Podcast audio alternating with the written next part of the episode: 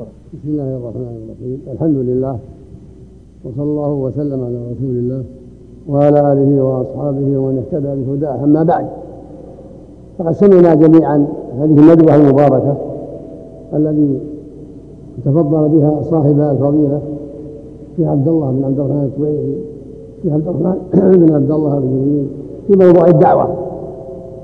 وقد أجاد وأفاد وبين ما ينبغي بيانه.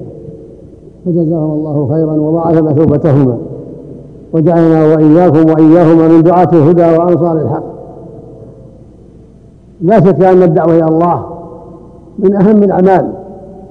وهي طريق الرسل ومنهج الرسل عليهم الصلاة والسلام.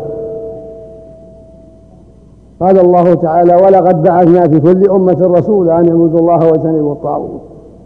قال تعالى وما أرسلنا من قبلك من رسول إلا نوحي إليه أنه لا إله إلا أنا فاعبدون وهي أيضا منهج أتباعه من العلم والإيمان والصبر. قال تعالى ومن أحسن قولا ممن دعا إلى الله وعمل صالحا. قال تعالى قل هذه سبيلي أدعو إلى الله على بصيرة أنا ومن اتبعني. قال تعالى ادع إلى سبيل ربك بالحكمة وموعظة الحسنة وجادلهم بالتي أحسن. فالواجب على أهل العلم وهم خلفاء الرسل الواجب عليهم أن يدعوا إلى الله وأن يعلموا الناس دين الله وشريعته وأن يصبروا كما صبر الرسل. قال تعالى للنبي صلى الله عليه وسلم فاصبر كما صبر أولو العزم من الرسل ولا تستعجل لهم. وقال تعالى إنما يوفى الصابرون أجرهم بغير حساب.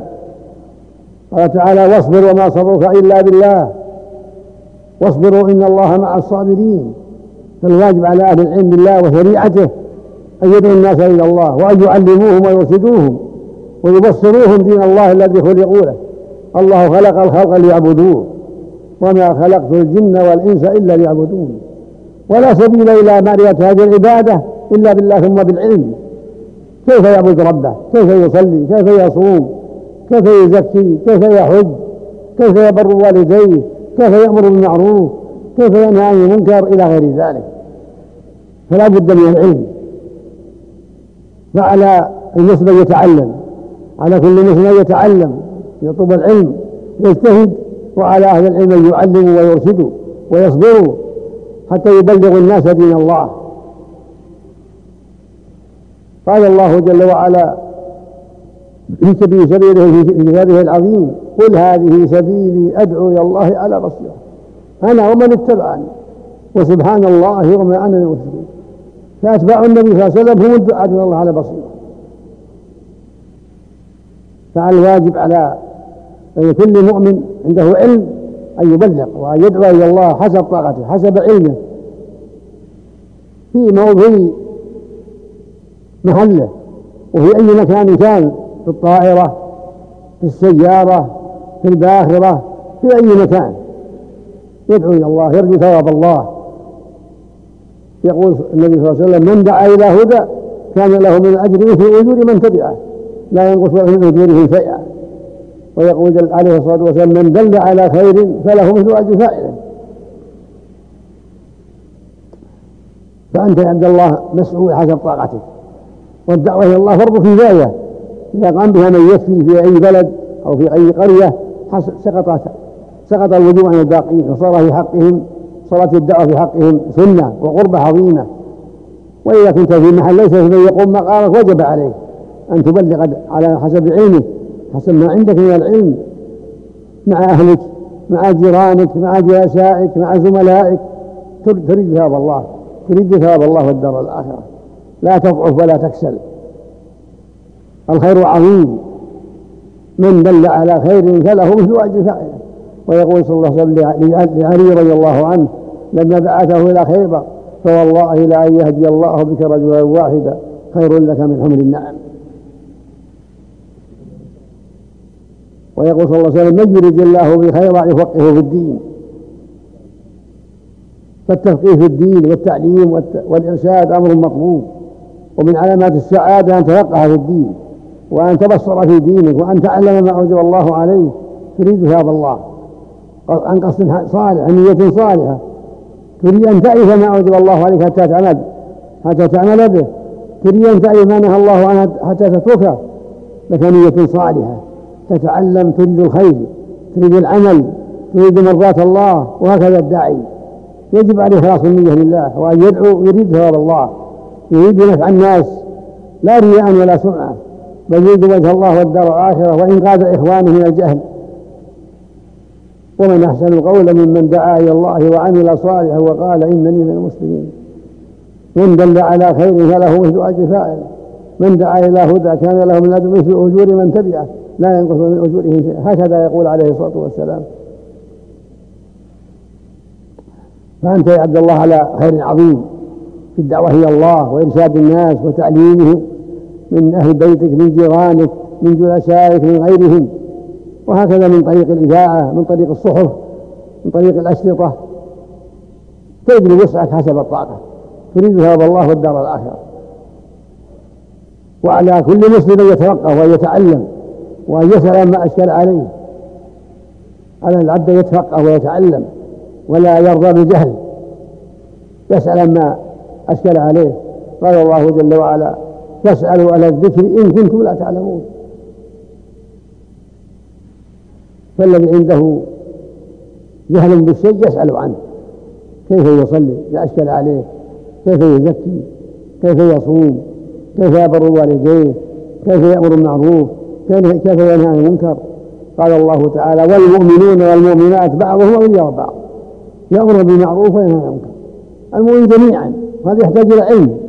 وكل مؤمن وكل مؤمنة فرض عليهم أن يتحابوا في الله وأن يتعاونوا بالبر والتقوى وأن يأمروا بالمعروف وينهوا عن المنكر. يقول الله في حقهم والمؤمنون والمؤمنات بعضهم أولياء بعض. كل واحد ولي أخيه يحب له الخير ويكره له الشر. لا يغتابه ولا ينم عليه ولا يغشه ولا يخونه في المعاملة ولا يكذب عليه ولا يظلمه ولكن يحب له الخير ويكره له الشر ويأمره بالمعروف وينهاه عن المنكر. كل هذا من سبيل المؤمنين ومن صفات المؤمنين ومن أخلاقهم. ويقول جل وعلا وتعاونوا على البر والتقوى ولا تعاونوا على الاثم والعدوان. ويقول سبحانه والعصر إن الإنسان لفي خسر إلا الذين آمنوا وعملوا الصالحات وتواصوا بالحق وتواصوا بالصبر. هؤلاء هم الرابحون الذين جمعوا هذه الصفات الأربعة الإيمان بالله عن علم ويقين يؤمن بالله عن علم ويقين ويخصه بالعبادة ويؤمن بكل ما أخبر الله به ورسوله من أمر الآخرة والجنة والنار وغير ذلك. ثم مع الإيمان الصادق العمل العمل الصالح. يؤدي فرائض الله وينتهي عن محارم الله. ثم مع ذلك التواصي بالحق تناصح تعاون على البر والتقوى الأمر بالمعروف النهي عن المنكر. كله داخل في التواصي. الدعوة إلى الله والتناصح والأمر بالمعروف والنهي عن المنكر. كله داخل في قوله وتواصوا بالحق. وداخل في الإيمان والعمل الصالح. والامر الرابع هو الصبر لا بد من الصبر على الإيمان والصبر على العمل والصبر على الدعوة. هذا طريق المؤمنين هذا سبيلهم. إيمان صادق بالله ورسوله وعمل صالح وتناصح وتواصل بالحق وتواصل بالصبر وتعاون على البر والتقوى. وهذا في حق الجميع الرجال والنساء. يجب على كل مؤمن وكل مؤمنة أن يتعلم ويتفقه بالدين وأن ينصح لله ولعباده. كل في محيطه حسب طاقته. فاتقوا الله ما استطعتم. هذا واجب المؤمنين والمؤمنات جميعا أن يتعلموا ويتفقهوا وأن يدعوا إلى الله وأن يصلوا الناس وأن يصبروا. حتى يبلغوا دين الله ويبلغوا رسالة الله. يرجون ثواب الله ويخشون عقابه. وقد يكون التبليغ من طريق الكتابة من طريق الهاتف من طريق المشافهة من طريق الخطبة يوم الجمعة. من طريق الخطب الأخرى والمواعظ والمحاضرات. المؤمن يسلك جميع المساك التي يستطيعها في التبليغ والدعوة إلى الله جل وعلا. حسب طاقته. عن نية صالحة وعن قصد صالح ورغبة بما عند الله عز وجل. والمؤمن أيضا يتعلم من جميع الطرق يتعلم بحضور حلقات العلم بسماع الخطب بسماع المحاضرات بالسؤال من طريق الهاتف من طريق التلفون من طريق المكاتبة. يسأل يتبصر وقد سبق أن ذكرت لكم أن من وسائل الإعلام ووسائل التعلم سماع إذاعة القرآن. سماع إذاعة القرآن فيها خير كثير. إذاعة القرآن فيها خير فيها محاضرات فيها دعوة فيها نصائح فيها قراءة كتاب الله فيها نور على الدرب من جماعة من أهل العلم يجيبون عن أسئلة المجتمع وغيره فيستفيد المؤمن والمؤمنة من هذه إذاعة القرآن. فعليك عبد الله وعليك يا أمة الله الجد في طلب العلم وتلقف الدين بالوسائل الممكنة بسماع إذاعة القرآن بالسؤال من طريق الهاتف من طريق المكاتبة من طريق المشاهدة. اللسان يبذل الوسعة في التبصر في دينه والتفقه في دينه. يرجو ثواب الله ويخشى عقاب الله سبحانه وتعالى. مع التناصح الشفهي والأمر بالمعروف والنهي المنكر بين أهل البيت بين الجيران بين الأقارب بين الجلساء. والواجب على المؤمن أن يتقي الله في أهل بيته وأن يعلمهم ويرشدهم ويبصرهم بما يخفى عليهم حتى يكونوا على بصيرة وحتى يؤدوا ما أوجب الله عليهم على بصيرة وحتى يبتعدوا عن محارم الله على بصيرة. نسأل الله لنا ولكم التوفيق والهداية. نسأل الله لنا ولكم التوفيق لما يرضيه والعافية من مضلات الفتن كما أسأله سبحانه أن ينصر دينه ويعلي كلمته. وأن يوفق جميع المسلمين لما يرضيه. وأن يولي عليهم خيارهم ويصلح قادتهم كما أسأله سبحانه أن يوفق ولاة امنها لكل خير. وأن يعينهم على كل خير. وأن ينصر بهم الحق. وأن يصلح لهم البطانة. وأن يجعلنا وإياكم وإياهم من الهداة المهتدين. إنه سميع قريب وصلى الله وسلم على عبده ورسوله نبينا محمد وعلى آله وأصحابه وأتباعه بإحسان.